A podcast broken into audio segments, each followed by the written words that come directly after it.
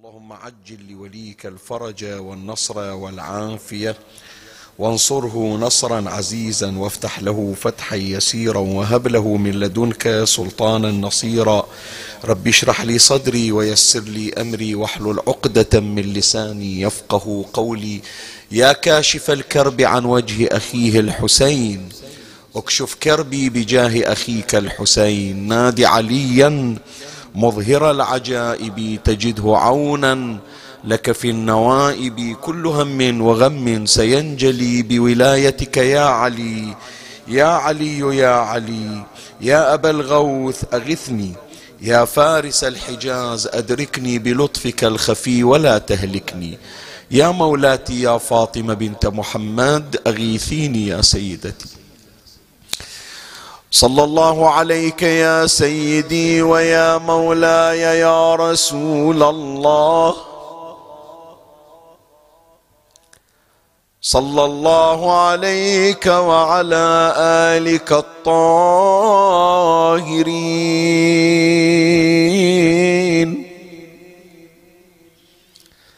فاز من اعتصم بكم. وأمنا من لجأ إليكم. يا ليتنا كنا معكم سادتي فنفوز فوزا عظيما.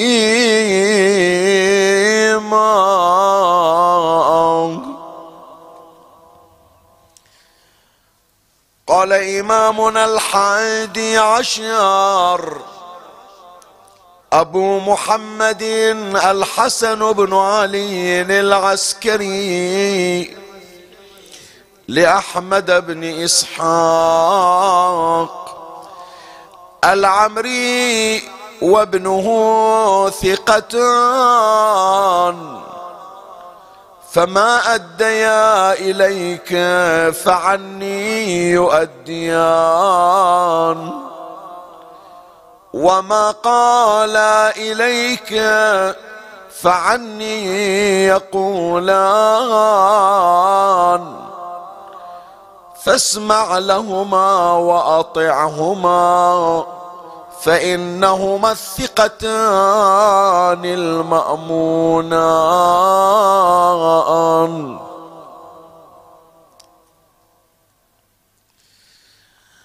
الحديث الشريف الوارد عن إمامنا الحسن بن علي العسكري صلوات الله وسلامه عليه.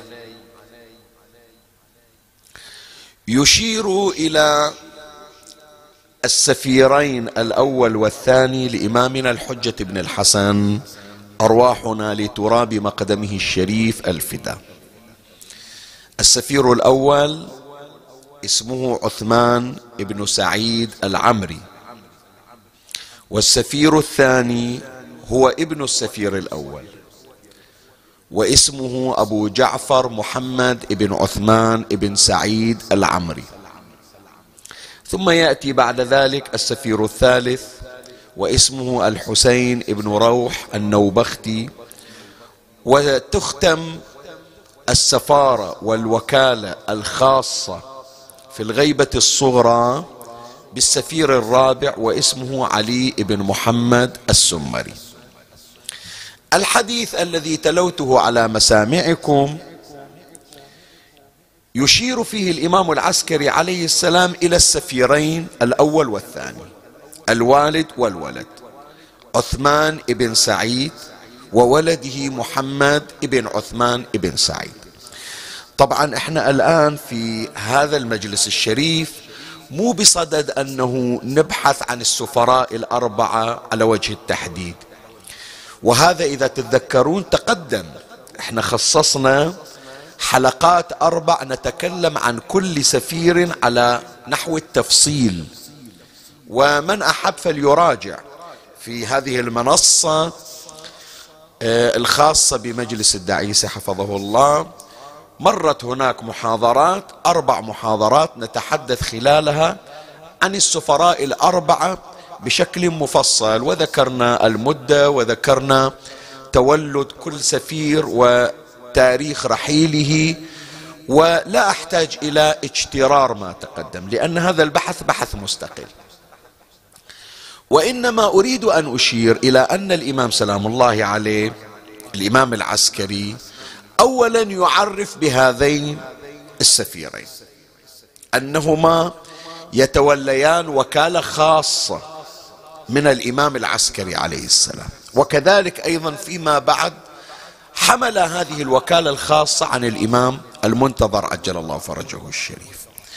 ويشير أيضا الإمام العسكري عليه السلام إضافة إلى الوكالة الخاصة إلى مزايا هذين السفيرين بحيث أنه إذا تكلم فرد منهما فإنه كلام المعصوم. يعني من يحكي هذا السفير فرضا أنت ما شفت الإمام المهدي في الغيبة الصغرى لكن التقيت بالسفير الأول أو بالسفير الثاني. إذا تحدث كأنما الإمام هو الذي يتحدث. قوله قول الإمام. أوامره أوامر الإمام سلام الله عليه. تمام؟ فالإمام سلام الله عليه من جهة يثبت الوكالة الخاصة لهما ثم يشير ب إلى مزاياهما. شوف يقول فما أديا إليك فعني يؤديان وما قال إليك فعني يقولان ويعطيهما صلاحية أن يسمع لهما كما يسمع للإمام المعصوم. فيقول فاسمع لهما وأطعهما فإنهما الثقتان المأمونة يعني وضعتهما موضع الثقة. شلون مسلم ابن عقيل ثقة الإمام الحسين عليه السلام؟ فالسفير الأول عثمان ابن سعيد وابن محمد ابن عثمان هذول كأنهما مسلم ابن عقيل للحسين فهما يقومان مقام مسلم مع الإمام الحج. إيش كبرهم؟ وراح يمر علينا إن شاء الله. شوفوا يا أحبائي تعرفون بأن هذه السلسلة المباركة للحديث عن الإمام المنتظر أرواحنا لتراب مقدمه الشريف الفداء. أنا معكم إن شاء الله بتوفيق من الله وعناية منهم صلوات الله عليهم طيلة هذين الأسبوعين. نتحدث عن الإمام المنتظر أرواحنا فداء. ثلاثة عشر حلقة خاصة بالإمام الحجة. طيب واحد يقول شيخنا هذا الحديث ما إلى علاقة بالإمام المهدي؟ هذا إلى علاقة بالوكلاء إلى علاقة بالسفراء. إلى علاقة بنواب الإمام سلام الله عليه. وين الحديث عن الإمام؟ إيه. أهل العلم يا أحبتي أهل التدوين حينما يأتون لكتابة بحوث وموسوعات عن الإمام المنتظر سواء كان مؤلف عن الإمام يعني كتاب واحد عن الإمام أو موسوعة مكونة من عدة أجزاء عن الإمام المنتظر لازم يفرد فصل للحديث عن وكلاء الإمام سلام الله عليه. يعني. لازم. تجي لأي كتاب ما أريد الآن أنه أذكر أسماء الكتب الكتب التي كتبت حول الإمام الحجة كثيرة وعديدة قديمة وحديثة. لازم اللي يكتب عن الإمام الحجة يخصص فصل للحديث عن وكلاء الإمام سلام الله عليه يعني عن سفراء الإمام عن نواب الإمام. ليش؟ شوف التعبير حط بالك. لأن وكلاء الإمام سلام الله عليه هم بمثابة المرآة للإمام. جنابك من توقف قدام المراية. ترى المراية تشوف صورتك بها لكن ما بها لحم ودم. وإنما تعكس ما يحمله جسدك. السفير للإمام وكيل الإمام مثل المراية للإمام. أنت ترى شؤون الإمام من خلال سفيره. أنت ترى مقامات الإمام من خلال سفيره. أنت ترى كرامات الإمام سلام الله عليه من خلال سفيره. الإمام الآن محجوب عنا. والآن ليش محجوب وليش الغيبة هذه تترك إلى مظانها. بس أنا شلون أتعرف على مقامات الإمام؟ شلون أتعرف على شؤون الإمام؟ شلون أتحصل على كرامات ومعاجز الإمام سلام الله عليه؟ إذا جلست مع الوكيل كأنك جلست مع الإمام. تظهر لك من كرامات الإمام على يد الوكيل. ويظهر لك مقام الإمام وشأن الإمام ويعرفك الوكيل بمنزلة الإمام بمجرد الجلوس معه. فلهذا في هذه الليلة عنوان بحثنا عنوان موضوعنا عنون هذا المجلس الشريف بهذا العنوان. الإمام المهدي عجل الله فرجه الشريف والوكلاء الكرام. راح نشوف إحنا منازل ودرجات ومقامات الوكلاء وكيف ظهرت آثار الإمام سلام الله عليه على وكلائه الكرام. هذا هو بحثنا لهذه الليلة. ومن, ال ومن الله أستمد العون والتوفيق ومن مولاي أبي الفضل العباس المدد وألتمس منكم الدعاء يا أحبتي لي بالتسديد والتأييد لأتوفق لشرف خدمتكم وقبل البدء بالحديث أرجو أن ترفعوا أصواتكم ثلاثا بالصلوات وتهدوها إلى إمامنا الحجة وأمه السيدة نرجس وجدته الزهراء بأعلى أصواتكم. صلوا على محمد وآل محمد ثلاثة. اللهم صل على محمد وآل محمد.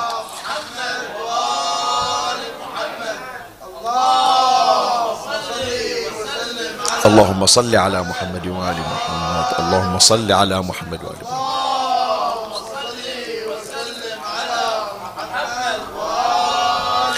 حديثي لهذه الليلة مكون من بحوث ثلاثة. أمر عليها تباعا إن شاء الله. أما المبحث الأول لسائل أن يسأل لماذا نظام الوكلاء؟ يعني حتى لو إحنا نعرف من خلال الاطلاع أو الاستماع. مرات عندنا جماعة جزاهم الله خير الجزاء هم كثيرو المتابعة والإطلاع. إذا ما عنده مكتبة ببيتهم أو ما اطلع على كتاب على الأقل يمر على بعض المواقع حتى بموبايله أو باللابتوب مثلا ويحاول يبحث ويستزيد عن الإمام سلام الله عليه. فيبحث هذا المبحث أن الإمام عليه السلام غاب غيبتين غيبة صغرى وغيبة كبرى. الغيبة الصغرى امتدت إلى قرابة سبعين سنة بعضهم يقول تسعة وستين بعضهم يقول اثنين وسبعين أيا كان.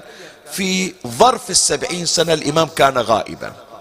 وكان اللي يريد يتصل بالإمام سلام الله عليه يجي إلى وكيل الإمام أو سفير الإمام أو نائب الإمام الأربعة اللي ذكرناهم يعطيه مثلا الأموال الأموال توصل للإمام. يعطيه مثلا رسالة الرسالة توصل للإمام. يحمل أسئلة يجيه الجواب حرفيا من الإمام على لسان السفير. بموت السفير الرابع علي بن محمد السمري انتهت الغيبة الصغرى اللي كانت مدتها سبعين سنة. وابتدأت غيبة أخرى يعبر عنها بالغيبة الكبرى. في هذه الفترة الآن هل أنا أقدر أودي رسالة إلى الإمام؟ ما أقدر. هل أقدر أنه أنا فلوسي أوديها إلى الإمام مباشرة يستلمها الإمام بيده؟ ما أقدر.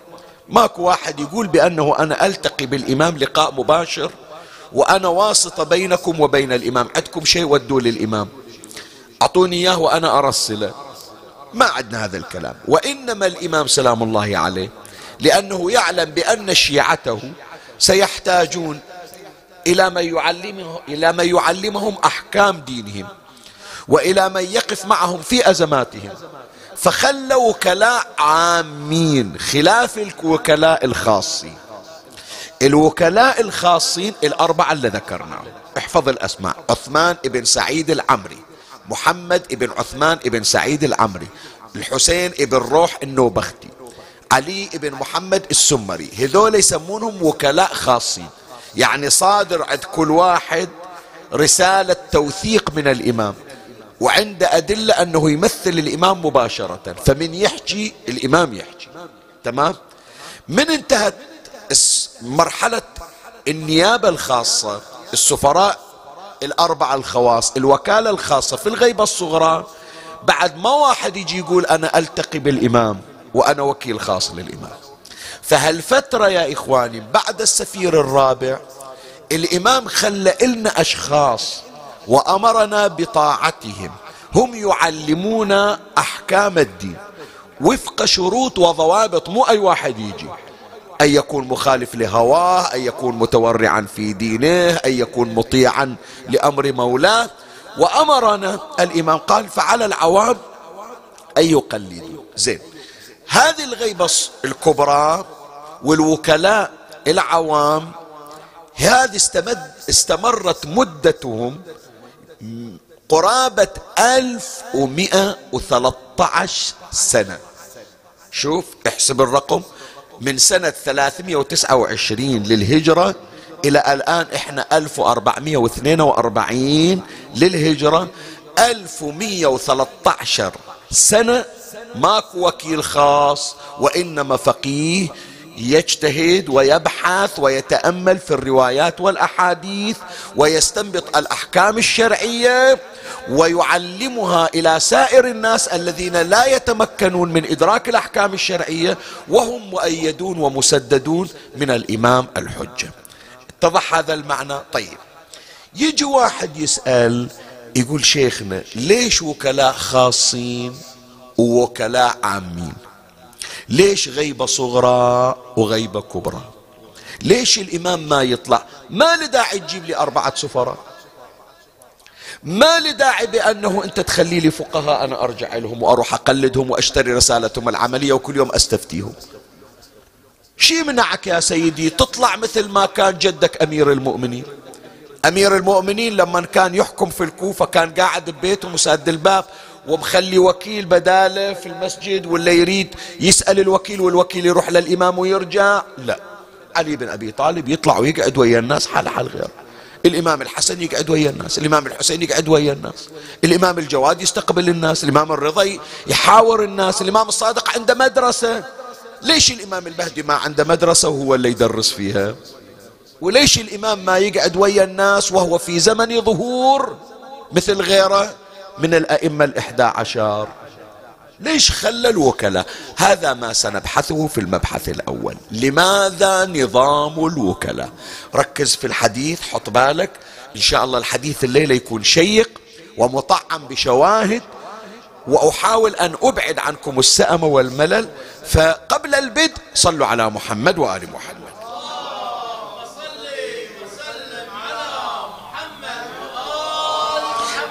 الجواب على هذا السؤال لماذا نظام الوكلاء؟ ذلك لوجود خطر محدق بالإمام يهدد وجوده الشريف وحياته المباركة. الإمام سلام الله عليه لو يظهر الآن خلنا نقول اليوم اليوم اليوم. يطلع الإمام يقول أنا ساعة واحدة بطلع ولا يحب خليه يجيني وأرد أغيب عقب ساعة. حياته في خطر. وجوده الشريف مهدد. فيحتاج الإمام سلام الله عليه من جهة ما يقدر يطلع لأنه لأن حياته في خطر. ومن جهة أخرى ما يريد يخلي الأمة ما يريد يخلي الناس لأن الناس من مسؤوليات الإمام سلام الله عليه. فكحل الإمام إيش سوى؟ حط إلى شنو؟ وكلاء وسفراء. إلا يريد يروح إلى السفراء. بعد من انتهت السفارة الخاصة إجت السفارة أو النيابة العامة وهي مرحلة الفقهاء. طيب قد واحد يجي يقول شيخنا شو الحكي شو الحكي أنت ما سامع؟ ما سامع بعض المستخفين من طلع قال أنا مستعد. أنا مستعد أفتح قناة فضائية إلى الإمام وأنا مستعد أطلع تذكرة للإمام. وأنا مستعد أروح أستأجر إلى سويت مثلا في فندق خايف من شنو؟ أنا مستعد أجيب له بادي جارد يصير تحت شوف الاستخفاف والاستهانة. يريد يقول بأن هذا الأمر من مبتدعات الشيعة أنه أكو واحد يغيب ويحط وكيل مكانه. شنو واحد يحط وكيل مكانه؟ إذا هو المتصدي للمسؤولية شلون واحد متصدي للمسؤولية يغيب؟ ويستخفون بالإمام. نقول هل أن الغيبة يا إخواني وتعيين الوكيل بس الإمام المهدي اللي سواها؟ سؤال أسأل. حط بالك للكلمة. بس الإمام المهدي هو اللي غاب وحط وكيل مكانه؟ ترى إذا سواها الإمام المهدي قبل الإمام المهدي سواها واحد أشرف من الإمام المهدي. ومن هو؟ نبينا محمد صلى الله عليه وسلم.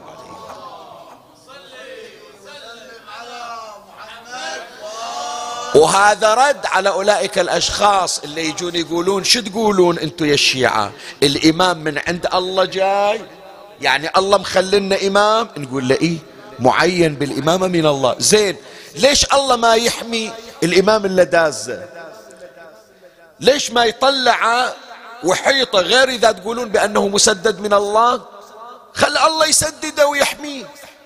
إحنا نقول رسول الله محمي لو مو محمي في رعاية الله لو مو في رعاية الله. تمام لو لا؟ زين ليش خلى النبي صلى الله عليه وآله علي بن أبي طالب وكيلا عنه لما خرج من مكة إلى المدينة؟ أمير المؤمنين بقى. طيلة هذه المدة قرابة 12 يوم. إذا مو 16 يوم. يتولى علي مهام الوكالة. وشوف من تقرأ في سيرة النبي تشوف عينا هي سيرة مصغرة لسيرة إمامنا الحجة بن الحسن. أرواحنا لتراب مقدمه الشريف الفداء. من جهة اللي يقولون شلون واحد غايب هذه خرافة؟ شلون تقول للإمام يمر وأنا ما أشوفه؟ ما صدق صارت للنبي. صارت لو ما صارت؟ اجتمع مجموعة من شياطين قريش يريدون قتل رسول الله صلى الله عليه وسلم. كلهم يجيبون حتى تمثيل مثلوها في في السينما. ولما أراد النبي صلى الله عليه وآله أن يخرج صار ينظر من وراء الباب في وجوههم ويقول وجعلنا من بين أيديهم سدا ومن خلفهم سدا فأغشيناهم فهم لا يبصرون.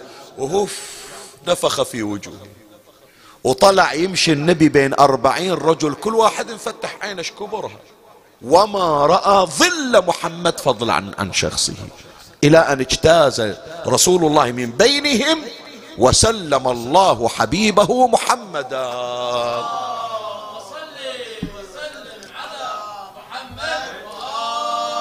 إحنا نقول سر إخفاء الله لمحمد هو سر إخفاء الله لمحمد.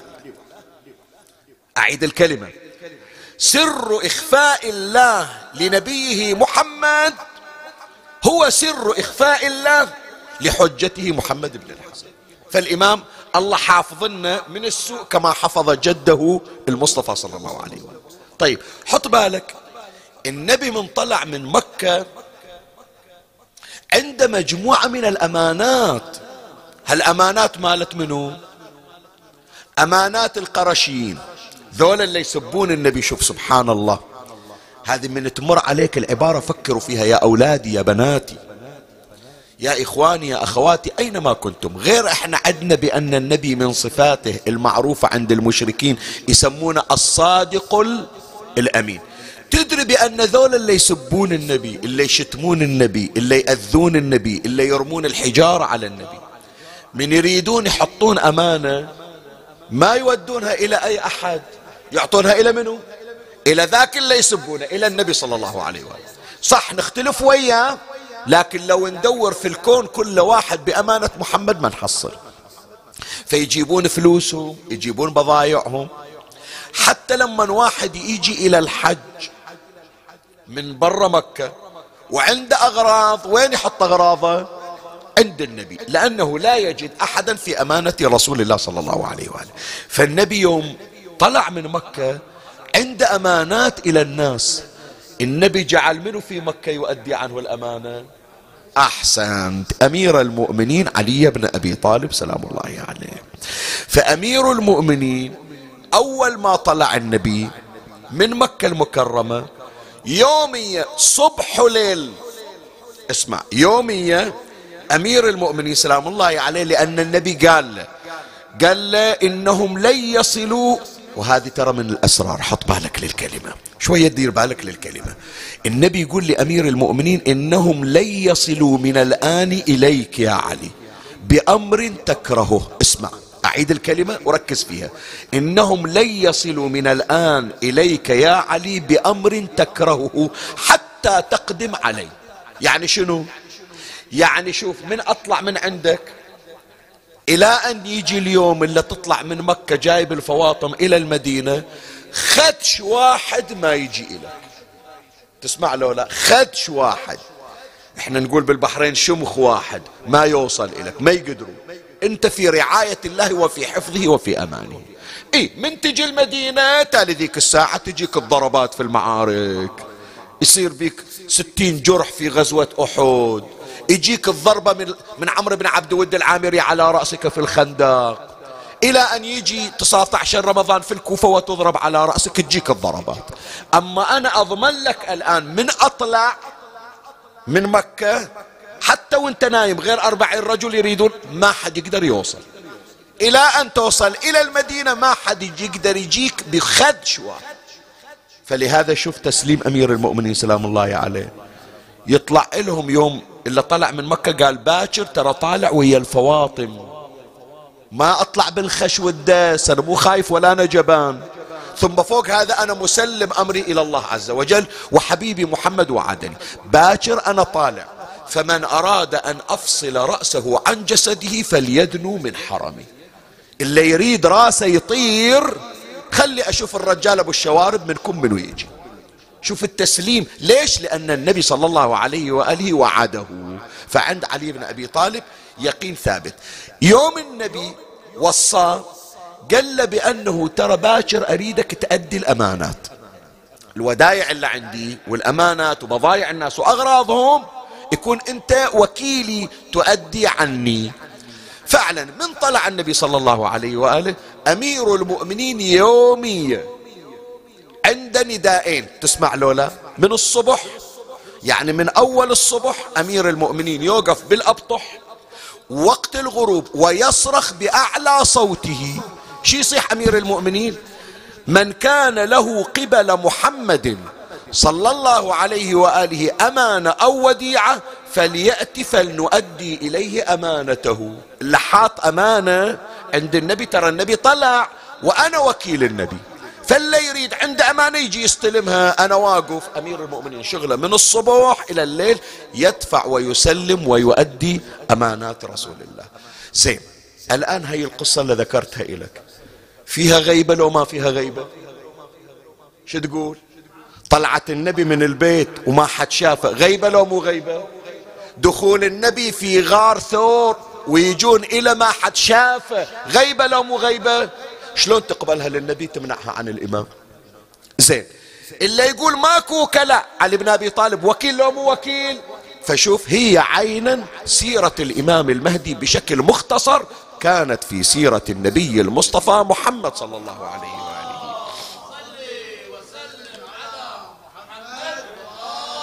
فإذا أول دافع وسبب من أسباب نظام الوكلاء عند الإمام المهدي يا إخواني أن وجوده في خطر. كما كان وجود جده المصطفى صلى الله عليه وآله في خطر. فخلى واحد يقوم بمقامه كما جعل النبي أحدا يقوم مقامه وهو أمير المؤمنين علي بن أبي طالب. زين. السبب الثاني اسمع. السبب الثاني اللي صار من أجل نظام الوكلاء هذا امتحان إلنا هل نسلم للإمام وننقاد له لولا ها؟ هل مستعد واحد بأنه يسلم للوكيل؟ الإمام خلانا في امتحان. قال شفت هذا اللي مو عاجبنك؟ هذا عثمان ابن سعيد. شنو شغلته؟ يسمونه السمان. يسمونه الزيات حتى يودي الرسائل إلى الإمام الهادي والإمام العسكري. ما يقدر يوصل لهم سامراء وخوف. شو يسوي؟ ياخذ قربة الدهن. وحط الرسائل وحط الأموال داخل الدهن ويشيل الدهن على راسه. والدهن يتصبب على لحيته على هدومه. دهن وحايشت لنا الشمس. الريحة ما تنبغى تمام لو لا؟ الناس يتأذون من عنده. فيقول لهم الإمام هذا اللي ما حد يطيق ريحته. هذا اللي ما حد شايف لنا أنه في هالمقام. ترى هو ثقتنا. هو المأمون عندنا. والطاعة له طاعة له. ابن ابن محمد ابن عثمان بن سعيد العمري. قبرهم اثنينهم ترى موجود في بغداد. تمام لولا يسمونه شنو؟ يسمونه الخلاني. مو تمام؟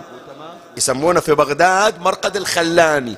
خلاني شنو يعني خلاني؟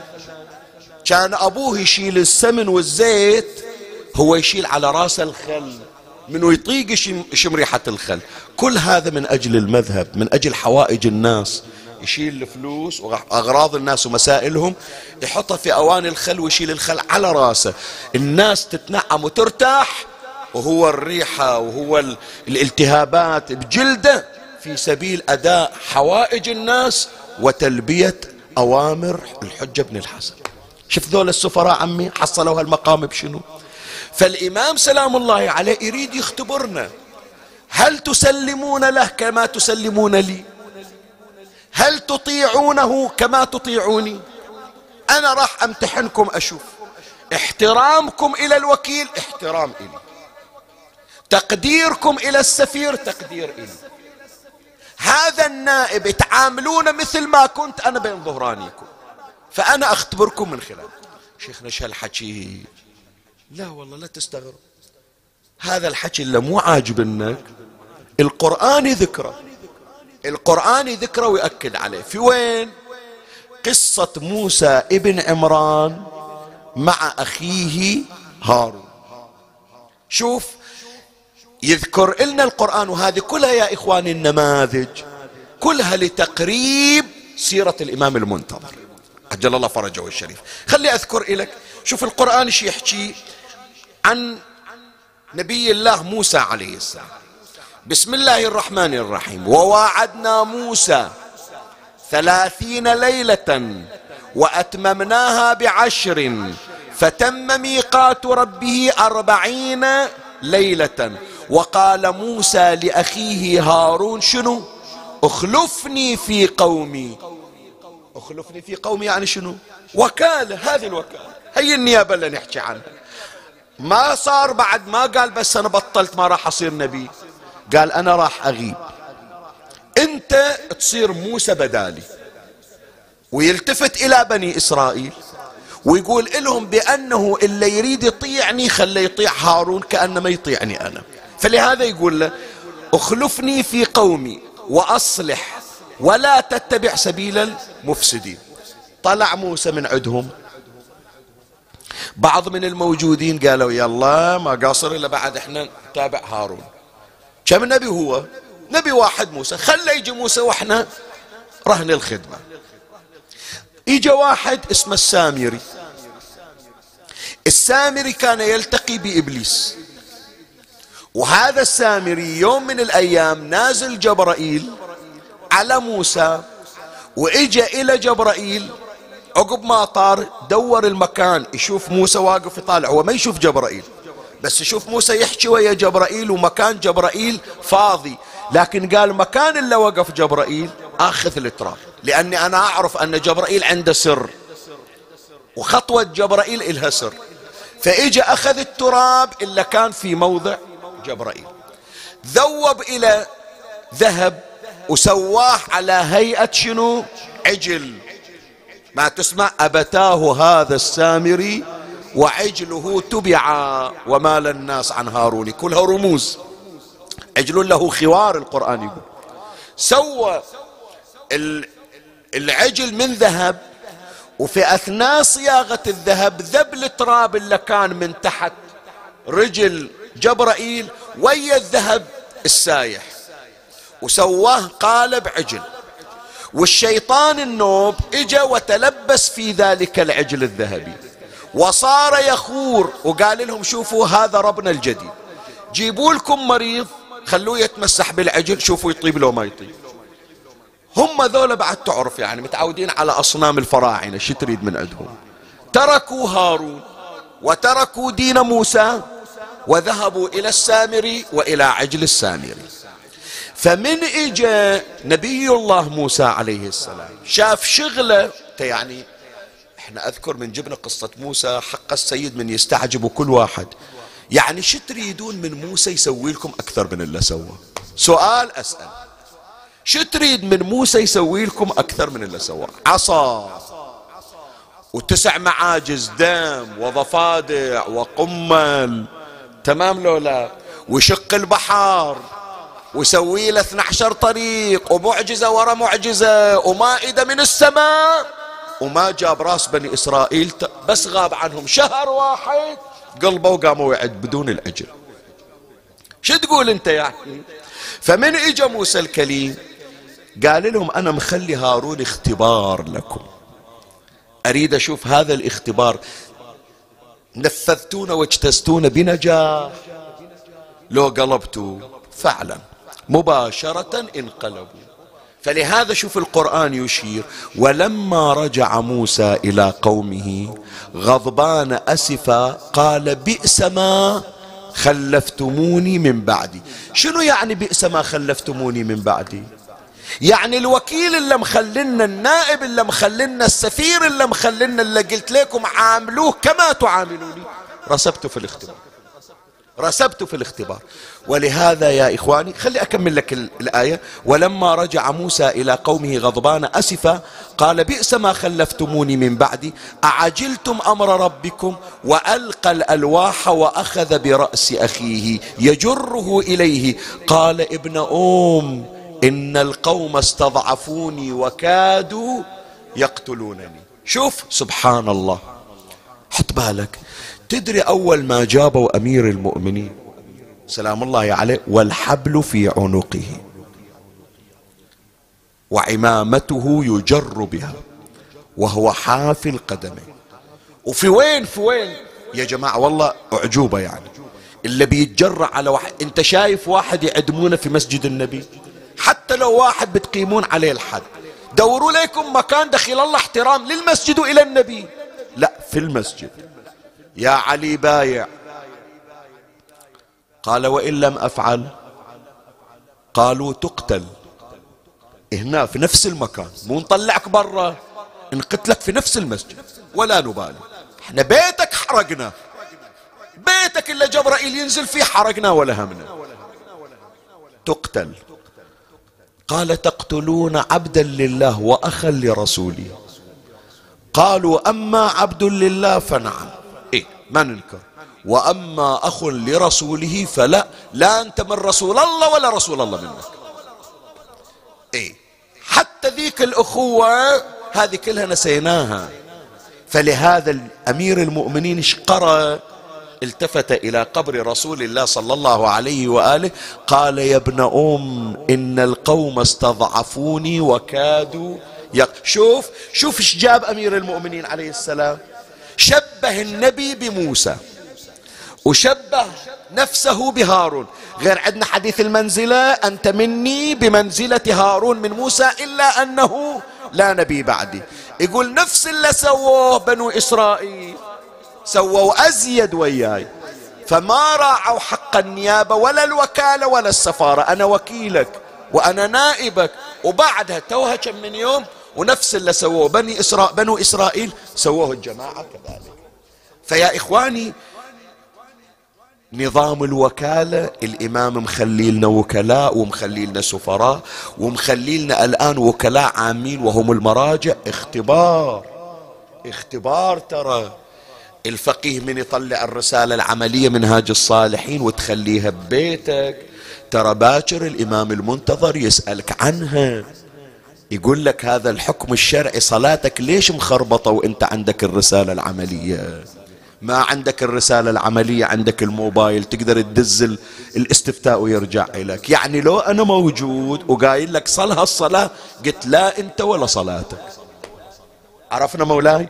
فواحد من أسباب نظام الوكلاء أن الإمام يريد أن يختبر تسليمنا وانقيادنا إلى السفراء والوكلاء. بعد شوية طلعنا من ثقل الحديث. من أسباب نظام الوكلاء يا أحبائي هذا الوكيل حط بالك هذا الوكيل إلى مزايا إلى مقام. إحنا قلنا في المقدمة إذا تتذكرون بأن اللي يريد يشوف الإمام يشوف وكيل الإمام. لأن وكيل الإمام مرآة الإمام. ما للإمام من مقامات يظهرها على وكيله ليكون. فلهذا الإمام سلام الله عليه يقول فهم حجتي عليكم وأنا حجة الله.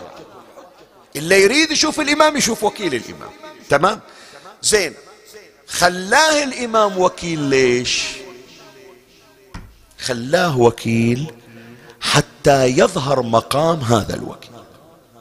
سؤال أسألكم يا أحبائي. سليمان ابن داود على نبينا وآله وعليه وعلى سائر الأنبياء والمرسلين آلاف التحية والسلام. مو طلب من وصيه آصف ابن برخيا أن يأتيه بعرش بلقيس. تمام لو لا؟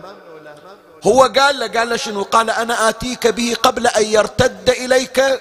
كان ذولاك العفاريت يحارسونك تقوم وتقعد وتشوف العرش. أنا قبل لا تطرف عينك تشوفه. طيب.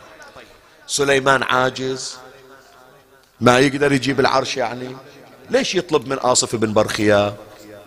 حتى يقول لهم سليمان أنا إذا مشيت عنكم إلا كان عندي عند وصي إلا كان عندي عد وكيلي عد وصي وهو آصف ابن برخيا. فالنبي صلى الله عليه وآله ما طلع من الدنيا إلا بين للناس أن الكرامات التي كنتم ترونها عندي هي عند ذريتي وهي عند آل بيت محمد صلوات الله عليه.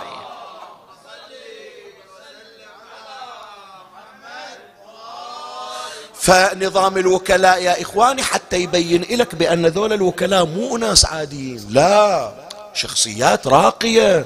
خلي أذكر لك هذه هذه القضية. القضية يذكرونها عن السفير الثالث الحسين ابن روح النوبختي. تستغربون الآن يمكن بعضكم يتعجب من يسمع. تدري هذا السفير الثالث اللي الإمام اختاره من بين تسعة؟ تسعة قبل أعمارهم على ثمانين سنة وسبعين سنة اختاروا الحسين ابن روح. تدري كم عمره؟ كم تعطي عمر؟ أربعين سنة مثلا؟ خمسة وعشرين سنة. بعضهم يقول ثمانية عشر سنة. واختار الإمام من بين الشيبة ومن بين اللحى والعمى زين ترى الناس ذاك الوقت صاروا يترددون. شلون ترددوا في قضية الإمام الجواد؟ قالوا ما يصير. بعد ولد هذا يختارون زين وين الباقي؟ وين الجماعة؟ فكان واحد من المرشحين يسمونه أبو سهل النوبختي. ودوا إلى أهل مصر قالوا له أبا سهل مع الأسف يعني الإمام يخليك ويختار هالولد. هالولد متى تعلم؟ متى درس؟ هذا لو يصرخون بوجهه اعترف بكل شيء. هذا لو يشوف السيف بعد مو يلمس السيف يجرحه. لو يشوف السيف على راسه يعترف عن الإمام وعن عائلة الإمام. شلون الإمام يختاره؟ فشوف هذا أبو سهل النوبختش يحكي عن السفير الثالث. من أقول لك نظام الوكلاء يبين لك مقام الوكيل شنو. سئل كيف صار هذا الأمر إلى الشيخ أبي القاسم الحسين ابن روح دونك؟ ليش الإمام اختاره ولا اختارك؟ قال هم أعلم. اسمع. من هم الأئمة يعني. إيه السالفة لا انتخابات. اي اي اي ولا صناديق اقتراع. الإمام يختار واختياره الإمام هو اختيار الله. قال هم أعلم وما اختاروا ولكن أنا رجل ألقى الخصوم وأناظرهم. ولو علمت بمكانه كما علم أبو القاسم يعني الحسين ابن روح وضغطتني الحجة لعلي كنت أدل على مكانه. أنا اللي تشوفوني. لو عندي الإمام في بيتي وصاك عليه باب الحجرة ويجون يهددوني يقولون لو تطلع الإمام لو نهتك عرضك. أو يحطون السيف على رقبتي. تحكي والله الآن ننحرك. يقول أنا ضعيف. ما أقدر. أنا أقول لكم يمكن أدل. أقول يتصرف الإمام. الله يخفيه مثل ما أخفى جده. زين والحسين بن روح اسمع. يقول وأبو القاسم فلو كان الحجة تحت ذيله وقرض بالمقاريض. ما كشف الذيل. عنه الله أكبر. تعرف يعني شنو قرض بالمقاريض؟ أحسنت. يعني مرة واحد يقول أنا مستعد أضحي بالإمام. أستغفر الله. مستعد أضحي في سبيل الإمام حتى لو يقتلوني. شلون يقتلونك؟ تيجي طلقة براسي مستعد أتحمل. يقتلوني يقطعون راسي بالسيف مستعد أتحمل ولا أعترف. طيب. لو كل ساعة يقطعون قطعة من جسمك منو عنده طاقة؟ لو واحد يحرقونه حي مو يذبحونه ويحرقونه يحرقونه حي منو يقدر يجاوب؟ منو يقدر يتحمل؟ يقول الحسين ابن روح مو يقتلونه لا. لو كل ساعة يقطعون منا قطعة إلى أن يوصلون إلى الرأس ولا يأشر على المكان اللي فيه الإمام. كم عمر عمي؟ عشرين سنة اثنين وعشرين سنة. شنو من تربية رباه حتى تعرف أهل البيت لما يختارون؟ ما يختارون قطرة يا جماعة ولا اعتباط. فهذا شلون عرفنا مقام الحسين ابن روح؟ من خلال بيان مقام الفقهاء مقام الوكلاء. ولهذا يا أحبائي يعني قبل لا أتجاوز هذا المطلب هذه ملاحظة حطوها في عيونكم ارسموها في وجهكم وتأملوا فيها. إحنا عندنا مراجع عظام تمام لولا عدل لولا زين. مرت علينا أيام كان كبار المراجع تولوا زعامة الحوزة الدينية.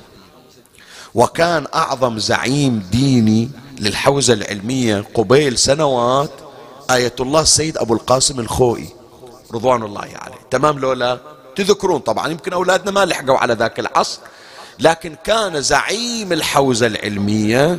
من هو؟ سيد الخوئي. قبل السيد الخوئي منو كان زعيم الحوزة؟ سيد محسن الحكيم. تمام لولا؟ قبل السيد محسن الحكيم كان هناك مرجع طبعا إجت مرجعية سيد حسين البروجردي. زين قبل السيد البروجردي كان أحد المراجع يسمونه السيد أبو الحسن الإصفهاني. مدفون في صحن أمير المؤمنين. تمام؟ زين. من تجي في زمن سيد أبو الحسن حط بالك للكلمة. كان موجود من المراجع والفقهاء من هو أعلم من سيد أبو الحسن. وبحثه أقوى من بحث سيد أبو الحسن. مثلا الشيخ آغا بزرق آغا ضياء العفو الشيخ آغا ضياء الدين العراقي. هذا أستاذ السيد الخوي. مثلا شيخ محمد حسين الإصبهاني أستاذ السيد الخوي هذه أقوى الدروس الحوزوية. درس السيد أبو الحسن أقل منهم مستوى. لكن مع ذلك الزعامة صارت لسيد أبو الحسن. ليش؟ لتأييد الإمام الحجة. سيد محسن الحكيم يا جماعة كان سيد أبو القاسم الخوئي موجود آنذاك. ومرجعيته وعلمه وفقهه وأصوله أقوى. معروف عند الجميع. علمية السيد الخوئي لا تقاس. لكن مع ذلك المرجعية إلى من صارت؟ إلى السيد الحكيم. ليش؟ اختيار الإمام تسديد الإمام عناية الإمام. الآن شوف إيش قد موجود مراجع. الشيخ الوحيد الخراساني موجود. الشيخ مثلا كذا الشيخ نعم الشيخ الشيخ بشير النجفي موجود. كلهم المراجع الموجودين. سيد الحكيم سيد محمد سعيد الحكيم. لكن المرجعية الموجودة الآن والعين صايرة على منه آية الله السيد السستاني ليش؟ هذه عناية الإمام يا جماعة. شوفوا يوم صارت الأزمة في النجف ذيك السنة وكانت النجف مهددة في الصراع الذي دار. تمام؟ بمجرد دخول السيد السستاني من غير خطاب ومن غير شيء. وإذا ينزع فتيل تلك النزاعات وتلك الحروب. هذه شنو يا جماعة؟ هالدخلة هذه شنو؟ هالدخلة هذه شنو؟ بابا الفاتيكان من يجي ويختار هذا البيت تحديدا شنو يعني؟ هذه رعاية المولى سلام الله عليه. يعني. هذه رعاية المولى المرجعية الدينية محاطة الإمام يشرف عليها من الأعلى ويأتيهم الفيض. عاد ما أدري مباشر غير مباشر هذا يترك. بس إحنا مو ضايعين يا جماعة. نحن في عناية إمامنا قائم آل بيت محمد.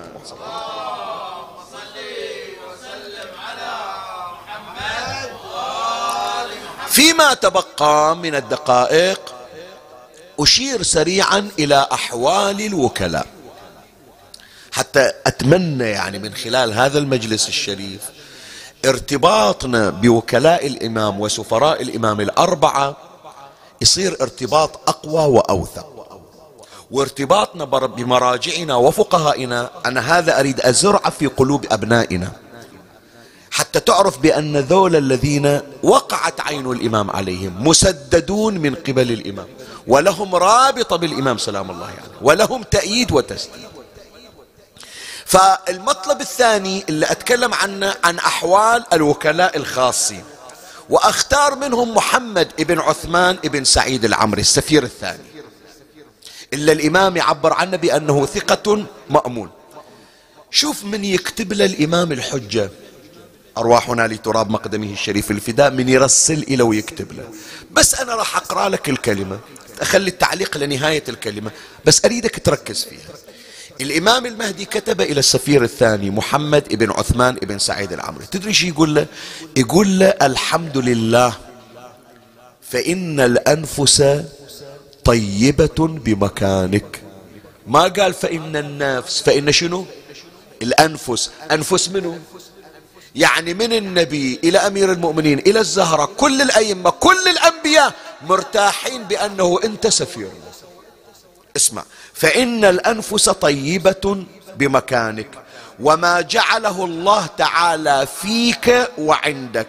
أعانك الله وقواك وعضدك ووفقك وكان لك وليا وحافظا وراعيا وكافيا ومعينا.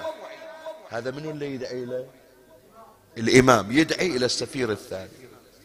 شوفوا العبارة ما أدري لاحظتوا يا أحبائي وين ما قاعدين في بيوتكم لاحظتوا ختام هالعبارة شنو؟ وكان لك وليا وحافظا. شي ذكرنا هذا؟ شفت الدعاء اللي تقرأ؟ اللهم كن لوليك الحجة ابن الحسن صلواتك عليه وعلى آبائه في هذه الساعة وفي كل ساعة شنو؟ وليا وحافظا. هذا أنت تدعو إلى الإمام. نفس هذا الدعاء إلا للإمام. الإمام يدعو به إلى سفيره الثاني. إيش كبر هذا؟ إيش كبر إيش كبر بعد يعني بعد خلي أبين لك من كراماته. يوم من الأيام أول ما تعين محمد بن عثمان بن سعيد العمري سفيرا للإمام الحجة بن الحسن. أرواحنا لتراب مقدمه الشريف الفداء. جاي واحد شايل إلى أموال حاطنها بخيشة وجاي إلى الإمام سلام الله عليه. يعني. إلى السفير عفوا محمد بن عثمان. فأول ما إجا قال له سيدي تفضل هذه أموال الناس يكون ترسلها توديها إلى الإمام. قال له وين الباقي؟ قال ماكو باقي. هذه كلها الفلوس جبتها إلك قال أكو شيء باقي. قال ماكو شيء باقي. هذه أموال الناس بحافظ عليها زيد من أموالي. قال روح البيت ودور. في شي باقي ما جبته قال يصير بعد ناسي وأنا ما أدري. خلي أطلع. من أقول لك ذولا مسددين من أهل البيت والكرامات اللي عند الأئمة عندهم. فهذا طلع راح بيتهم. مثل ما إحنا نقول يعني بأمثالنا في الخليج قلب البيت فوق تحت. ماكو شيء. رجع. قال له سيدي أبا جعفر البيت خميته خم قلبته فوق حدر. ما موجود شيء. قال موجود لكن مو في البيت. قال بس قول لي بس قول لي شنو؟ قال له الثوبين السردانيين. السردانيين منطقة هي جزيرة يقولون صوب بحر المغرب يسمونها سردانية. فمن يجيبون منها ثوب يسمونه ثوب سرداني. يقول أين الثوبان السردانيان؟ حط إيده على راسه قال أوه نسيت وين؟ بروح بدور من جديد. قال روح دور. راح دور في البيت ما شافه. رجع يلطم على راسه. قال له سيدي يا أبا جعفر الثوبين صح أنا جايبنهم أدورهم الآن. ما موجودين في البيت. وين أروح؟ ما أدري. إذا أنا على ما وصلت هذول البضايع يشيلونها الحمامين. أنا ما أدري أي حمال أخذه. قال له أنا أقول لك امضي إلى دار فلان القطان وادخل على المخزن ماله. تذكر يوم صحبك في الطريق؟ قال إي والله. قال الكيس اللي حطيت فيه الأغراض والثياب حمل ذاك القطان قال له زين بروح. قال له اصبر قبل لا تروح. إيش بتسوي؟ قال هذه الخياش مال القطن ماله بشققهم. خيشة خيشة. إلى أن أطلع الثوبين حق الله. قال لا. أموال الناس لا تتلفها. قال له زين شلون أطلعه؟ قال اختر الكيس الكذائي. عليه علامة كذا وكذا. وافتقه في الموضع الكذائي فإنك سترى الثوب. هذا رجع راح إلى القطان. قال له تعال قال وينك؟ كيسك أنت حطيته ويا كياستي وأنا ما أدري. وقلت شي يوصلني إلى لا ادلي مكانك ولا تدلي مكاني. قال دلوني. قال له زين بس ما أدري الآن شلون أفتحه؟ قال له أخبرني سيدي. شق الكيس في ذلك الموضع فاستخرج الثوبين. ثم لما عاد إلى محمد بن عثمان بن سعيد العمري وكيل الإمام قال له تفضل سيدي هذول الثوبين. بس خبرني من وين؟ إيش دراك أنت ما شفته ولا تدري. قال أخبرني سيدي قائم آل بيت محمد.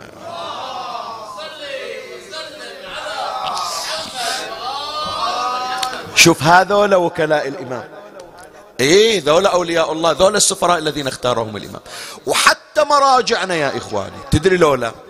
حتى مراجعنا أكو مراجع اختارهم الإمام بعنايته. واحد من علمائنا العظام يسمونه العلامة الحلي. سمار عليكم. الحسن بن المطهر الحلي الله أكبر. يعني شنو من عظمة؟ تشرف بلقاء الإمام أكثر من مرة. إن شاء الله راح يمر علينا من ضمن الحلقات. الالتقاء الميمون راح نذكر إلى قصة خاصة. بس خلي أمر عليك الآن. أمر, أمر بك على هذه القضية الغريبة اللي يذكرونها إلى. هذا في المطلب الثالث وهو أحوال الوكلاء العامين غير السفراء الأربعة. وبذلك نختم الحديث. العلامة الحلي في زمنه أكو واحد ناصبي. مؤلف كتاب يرد على الشيعة. اسمع. هذا الناصبي كاتب كتاب يرد على الشيعة. ما طبع الكتاب ما استنسخه لا. نسخة واحدة عنده. من يشوف واحد يقول له لا يغرونك الشيعة لا يقصون عليك. ترى دينهم كله خرابيط. والدليل هذا الكتاب اقرأه شوف. فكثير من يقرون الكتاب ينقلبون يتركون مذهب أهل البيت. إجوا إلى العلامة الحلي قالوا له مولانا دبرنا شيخنا كثير صارت عندهم شكوك. إحنا نريد من عندك هذا الكتاب اللي مسوينا هالناصبي. ترد عليه. قال زين جيبوا الكتاب حتى أرد عليه. قال ما طبع من عنده ولا استنساخ. هي نسخة واحدة ويوزعها. قال زين منو يقدر يجيب لي الكتاب؟ واحد من تلامذته قال أنا أروح وآخذ الكتاب وأجيبه إليك. فتلميذ العلامة الحلي راح إلى هذا الناصبي. قال له تسلفني الكتاب أنا أبغى أشوف. إذا اقتنعت من الكتاب راح أترك التشيع وأجيك. قال له زين أعطيك الكتاب ليلة واحدة بس. اسمع اسمع حط بالك للكلمة. أعطيك الكتاب ليلة واحدة بس باكر ترجع. شوف لو واحد ما عنده ذمة ولا عنده دين قال يلا انت عطني الكتاب وشوف إذا حصلته. مو تمام لو لا؟ إيه. قال له زين عطني الكتاب. أخذ الكتاب. اجى إلى العلامة الحلي. قال له شيخنا حصلت الكتاب. بس شارط علي باكر يكون أرجع الكتاب. فأنت عندك بس الليلة. قال أي ليلة؟ أنت شوف هالكتاب هذا الشيء استنسخه كتابها متن قوط الكلينكس؟ شايف النش قد هذا الشيء انسخه انت خبرني. ولا موجود الآن كوبير. اوفست حتى تسويها استنساخ. كتابة يعني. قال له زين شو أسوي؟ قال ما أدري. أراجعه قال لا عطني أنا راح أشتغل عليه. العلامة الحلي الليلة قال نومة ما عندي حتى صلاة الليل ما أصلي صلاة. الليلة شغلي شنو؟ أحسن. في هالكتاب أستنسخه نصرة لدين آل محمد. فقام مسكين من عقب المغرب حتى عشمات عشاء يكتب يكتب يكتب يكتب. إجت الساعة 12 بالليل واحدة بالليل. آه جت النودة. إيه إيه. طاح القلم حط راسه نام. ما قعد إلا الفجر. الكتاب لا لا استوى. زين الكتاب لا استنسخ لا انكتب. يمكن ربع انكتب وباقي ثلاثة أرباع. والآن بيجي الطالب ياخذ الكتاب يرجعه إلى صاحبه. الشيخ قام يضرب على راسه إيش سويت بعمري؟ ليش نمت؟ ليش ما وصيت أهلي قعدوني؟ اسمع يا سيد فلما فتح يذكرونها طبعا صاحب كتاب قصص العلماء الشيخ التنكاباني هذا من مصادر تراجم علمائنا. وأكثر من مصدر صاحب كتاب روضات الجنات يذكرها أيضا. يقول فلما فتح العلامة الحل الكتاب وإذا الكتاب نقل بكامله من أول صفحة إلى آخر صفحة. كل الكتاب متروس. منو كتبه؟ منو إجا كتبه؟ يقول فنظر العلامة الحلي وإذا في آخر الكتاب مكتوب كتب اسمع اسمع. مكتوب كتبه ميم حاء ميم دال. ابن الحسن العسكري صاحب الزمان.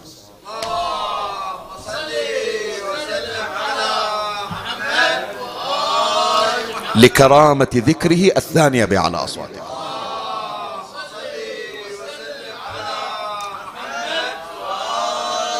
للتشرف برؤيته وخدمته اجعلوا الثالثة أعلى من الاثنتين. اللهم صل على محمد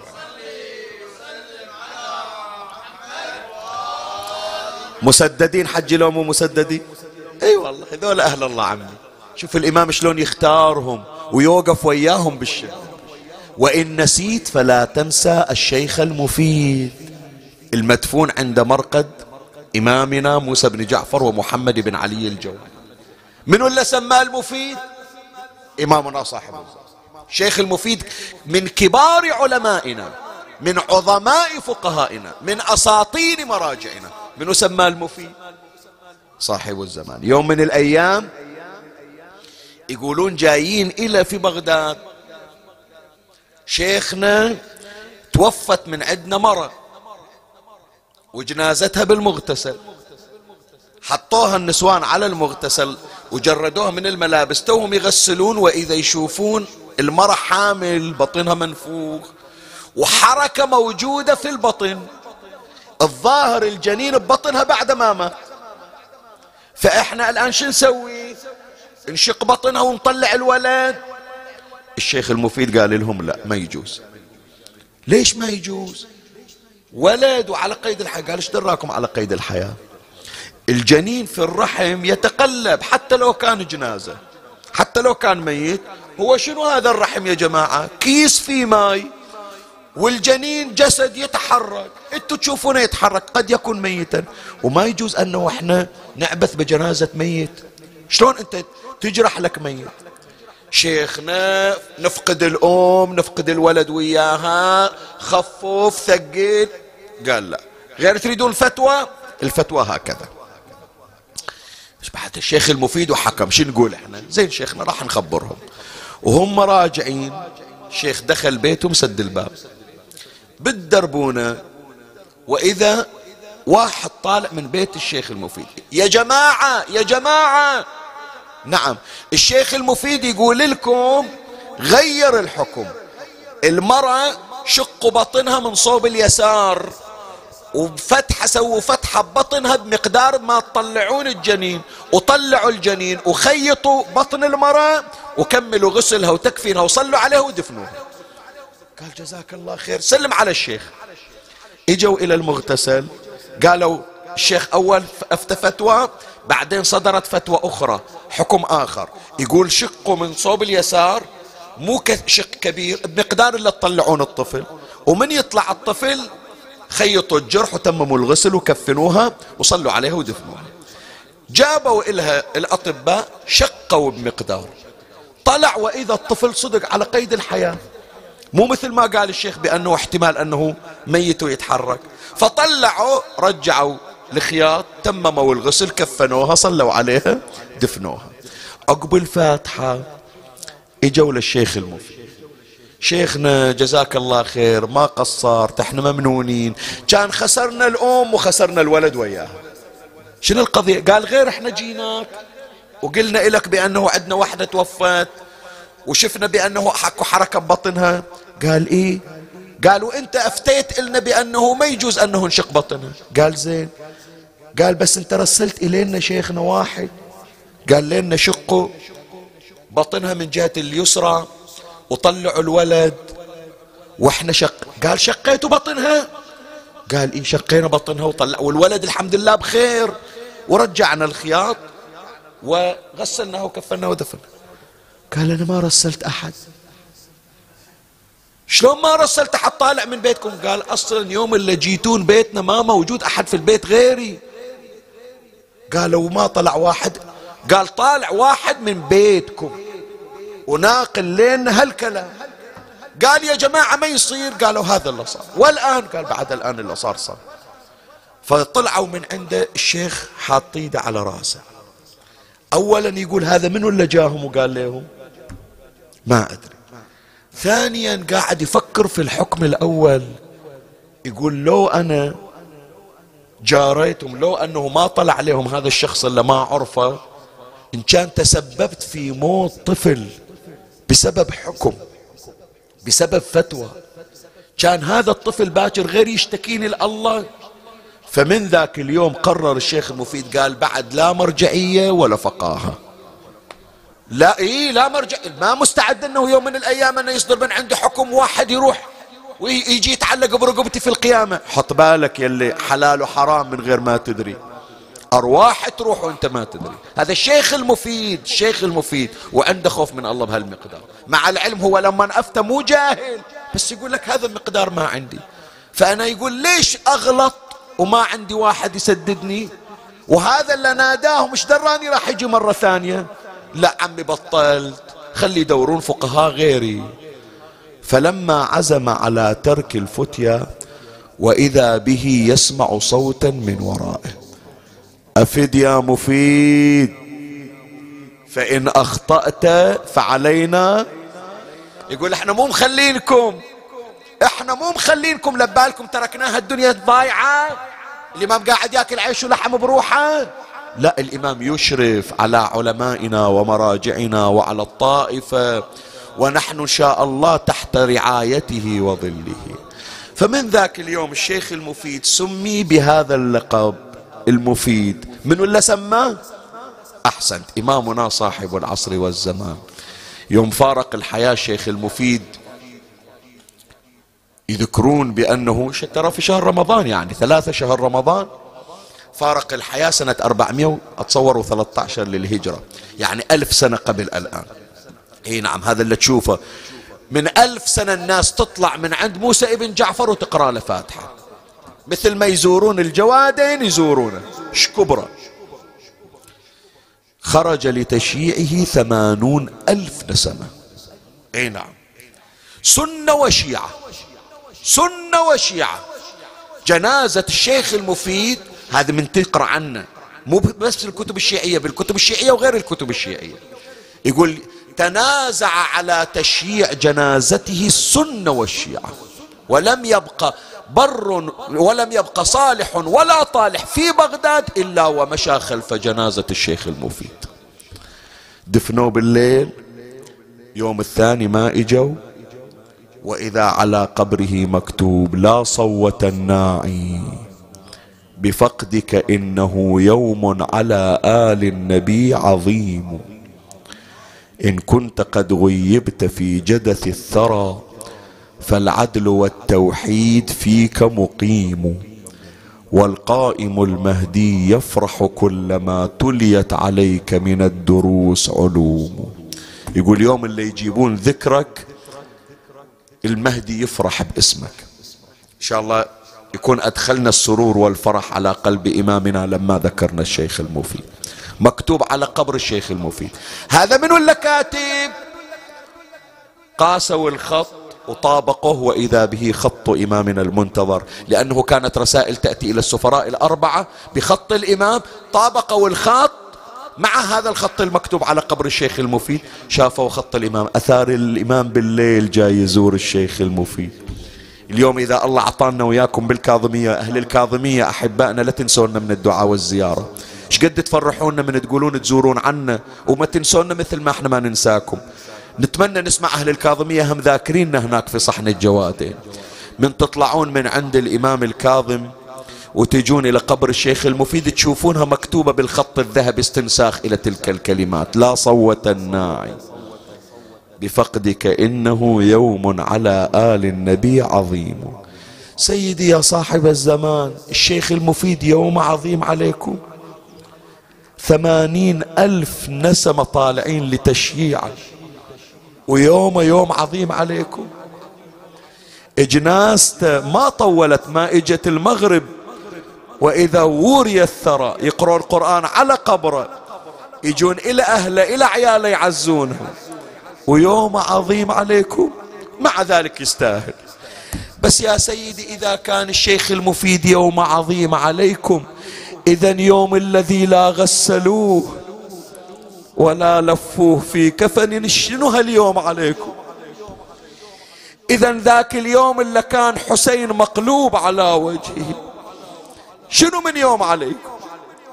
سيدي يمكن ذاك اليوم تأخروا في جنازة الشيخ المفيد حتى يشيعون تشييع يليق به لأنهم أخروا ساعة صار يوم عظيم عليكم. إذا يا سيدي جنازة جدك الحسين ثلاثة أيام تصهرها الشمس بحرارتها تأتي الوحوش له ليلا مسلمة والقوم تجري نهارا فوقه الرمك ثلاثة أيام وحسين مقلوب على وجهه. تصهره الشمس بحرارتها والتراب يمر على بدنه الشريف. يوجع قلبك هالحكي سيدي ولا شنو من هدوم عليه؟ بس رد علي. شنو من هدوم عليه؟ قميصة عليه؟ رداء عليه؟ اعمامته الخضراء على رأسه؟ لا الشيخ يقول عار اللباس قطيع الرأس منخمد الأنفاس في جندل كالجمر مضطرب زين بعد رد علي بروح لو ويا أحد. سبعين جنازة من حوله هذا على يمينه ذاك على شماله. إلى جنبه جنازة طفل رضيع عمره ستة أشهر والسهم في نحره عقب ثلاثة أيام إجا بنو أسد. قلوبهم مشلوعة على الحسين. حسين طالب من عندهم يتوخرون عن كربلاء لأن عندهم مهمة استقبال الزوار. فويا ما طبوا إلى كربلاء. التفت زعيمهم واسمه محمد ابن غاضر. قال لهم إحنا الرجال ننصب الخيام وانتوا يا حريم روحوا هذا شهط الفرات يمكم جيبوا لنا ماي حتى تطبخون تجهزون. ما نحتاجه اجت النسوان عمي. ما يحتاج اوصف لكم بعد حرمة وعاشوراء حرمة ومحرم شو تريد من عندها وين؟ وبكربلاء. اجا يم المشرعة. ويا ما مشوا وإذا يشوفون الماي متغير لونه. نهر الفرات عادة يلوح كبطون الحياة صافي زلال. بس يوم 13 من إجوا يشوفون الماي من قلب أحمر. قالوا هذا كله من دموم أولاد رسول الله. كله من دماء بنات أولاد الحسين وعيال الحسين. من بعيد وإذا وحدة تصيح. أخواتي أخواتي أخواتي شوفوا اللي أشوفه. إيش تشوفي؟ وإذا جنازة طويلة القامة. لكن لا راس لا كفين فدوى إلك يا أخو زينب. تسارعت الأسديات إلى تلك الجنازة. وإذا بطل ممدد تقشعر الأبدان من رؤيته. كأن واحدة من الأسديات تقول يعني معقولة هذا هالشباب عنده أخت مرت عليه وشافت جنازته. إذا عنده أخت وشافته بهالحالة الله يساعد قلبها وهي تشوف. أسدية أخرى قالت أخواتي ما يصير هالعسكر الجرار اللي شفناه متجمع على واحد. خلي نطب للمعركة. يمكن أكو جنازة غير هالجنازة. فأقبلنا الأسديات وتوسطنا المعركة. وإذا سبعين جنازة هذا على يمينه وذاك على شماله. إلا جنازة واحدة مقلوبة على وجهها والطيور تظلل عليها. شافوا يم ذيك الجنازة جنازة طفل بعد ملفوف بالقماط. لكن عمي إلزم قلبك يمكن الكلمة قاسية. لكن لا الأبو عليه رأس ولا الولد عليه رأس. والسهم صاير في بقايا النحر. واحدة من الأسديات انكسر قلبها. قالت يعني هالطفل هذا شن طلعنا من عند أمه من حضن أمه؟ شلون شالوه من, من مهدة وجابوه؟ وإذا الأم مرت وشافت زوجها وولدها بهالحالة شلون ما ماتت؟ فانكسر قلبها. رادت تشيل الطفل. قالت خلي أوخره أباعد عن الشمس. يمكن هالجسد يتحمل الشمس عنده طيور تظلل عليه لكن هالطفل ما عنده ظلال. بعض الذاكرين يذكر ما شفتها في كتاب لكن يذكرها بعض الذاكر. يقول فلما همت الأسدية بأن ترفع جنازة الطفل الرضيع وإذا بصوت من ذلك النحر أسدية خلي رضيعي على صدري. يعني أهلي مشوا عني ثلاثة أيام لا أخت زينب يمي لا بنت سكينة يمي لا ولدي زين العابدين يمي. ما عندي إلا هالطفل الرضيع. خليه يونسني وونس عمي حضر حاجتك. حضر حاجتك. تبشرنا إن شاء الله بانقضائها. فتصارخنا الأسديات صرخة واحدة وحسينا. سمع الرجال أصوات النساء. أقبلوا متسارعين. يا نساء ما الذي دهاكن؟ قال نحن رحنا قصدنا المشرع وجينا المعار. شفنا جسد مطروح وتركنا حيار. أوصالك لها مقطعة وتسطع. أنوار. طالعني طالعني. قبل لا أقرأ البيت طالعني إيش أسوي؟ مقطوع حتى خنصره من جف اليمين. أويلي. بالشميس مرمي على الثرى عريان مسلوب. قلب العدو من شوفته ينفت ويذوب. شلون أقرأ هالبيت؟ مطعون بضلاعة وصدره بسهم مصيوب. ويم رضيعه ونظن هذه جثة حسين. هالمجلس الليلة؟ هالمجلس؟ ما مخليني أكمل إلك. إلا عنده ولد فاقدنا. ولا عنده ولد صاير لمدة ما شافه. خله يصم أذنه لا يسمع هالبيت أخاف اذيه الليلة. يما ولد مثل القمر نوره يتلاله كثر الطعن والضرب ما غير جماله ويلي ما تنحصى جروحه ومتقطعة وصاله الله يساعد قلب هالفقدة هالاثنين. بعد شفتوا شفنا شباب وشفة من دم خضيبة الريس جنة وزفة الذبحة قريبة الله يعين الفقدة وراحت غريبة وما ظنتي بين العرس والذبح يومين بعد شفتوا أحد؟ وين عشاق أبو فاضل؟ فطر مرايرنا جسد يم الشريعة. مذبوح لكن ذبحته والله فجيعة. عليك أبو فاضل هالبيت انت اقرا حتى من الزلدين شفينا قطيعة يا مفضوخ راسه والسهم في محجر العين. أويلي من لوحة من شوفته تلوح الشجاعة وشدة الباس زنوده بلي جفوف والجثة بلا. بلا راس بلا راس وانظن عليه الفارس المعروف.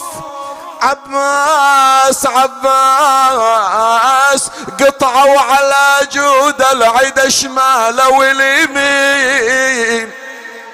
أويلي كلهم بلي عروس وحزن عليهم.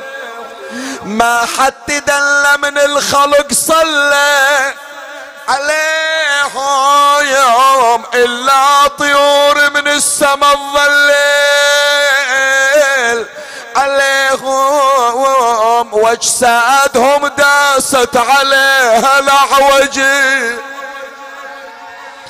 مجلس بهالحرارة يصير ما أذكر مولاتي زينب؟ والله تعتب علينا. حجي أسايلك إذا الأسدية ما قدرت تشوف. ما حال زينب التي نظرت إلى شمر يذبح الحسين؟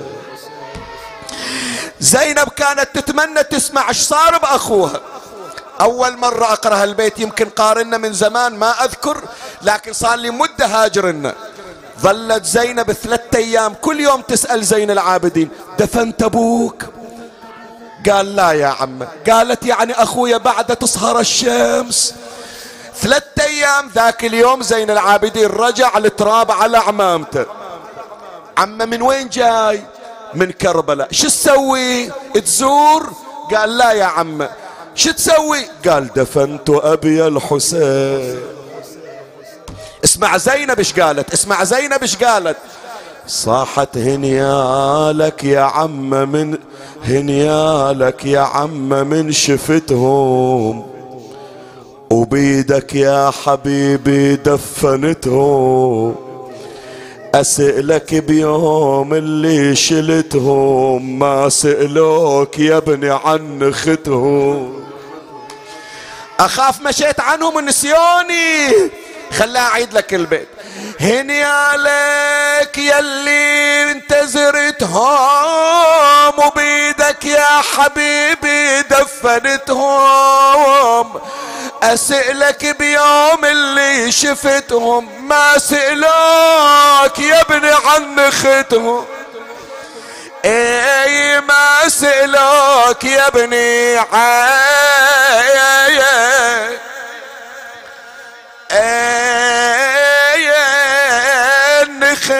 خيتهم؟ أويلي تقل يا علي يا ابني انشد لك فرد نشدة؟ يا ابني عايدة الميت يصير على الترب. خدة شلون دفنت أبوك حسين وهو راس مان ارحم روحك شوية ارحم روحك. عمي شعبان إحنا مو عاشور. أريد انشدك ماي شربت يا دفا. رويت قلبه لو دفنت حسين. بالله يا حفار القبر ردن علي. عطشان أخويا لو شرب قطرة. أمي يوم الدفن كان رشيت البنية بل كتر روحها تراه ما تعطشا. لا يذبح الكبش حتى يروى من ضمين ويذبح ابن رسول الله. عطش اللهم صل على محمد وآل محمد. أناجيك يا موجودا في كل مكان. لعلك تسمع صوتي وترى مكاني. فقد عظم جرمي وقل حياي. مولاي يا مولاي أي الأهوال أتذكر وأيها أنسى؟ ولو لم يكن إلا الموت لكفى. كيف وما بعد الموت أمر وأدهى؟ مولاي يا مولاي حتى متى؟ وإلى متى أقول لك العتبى مرة بعد أخرى ثم لا تجد عندي صدقا ولا وفاء فيا غوثاه ثم وغوثاه بك يا الله من هوى قد غلبني ومن عدو قد استكلب علي. ومن دنيا قد تزينت لي ومن نفس أمارة بالسوء إلا ما رحم ربي فإن لم ترحمني فمن يرحمني وإن لم تقبلني فمن يقبلني.